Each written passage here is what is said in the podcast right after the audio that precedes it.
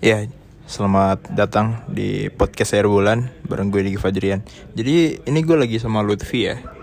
Ah, jadi gimana Vi? Menurut lo eh, video tanpa musik? jelek bagusan dengan musik Tuh kan?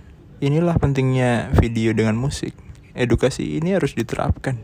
tapi haram Kata siapa? Astagfirullahaladzim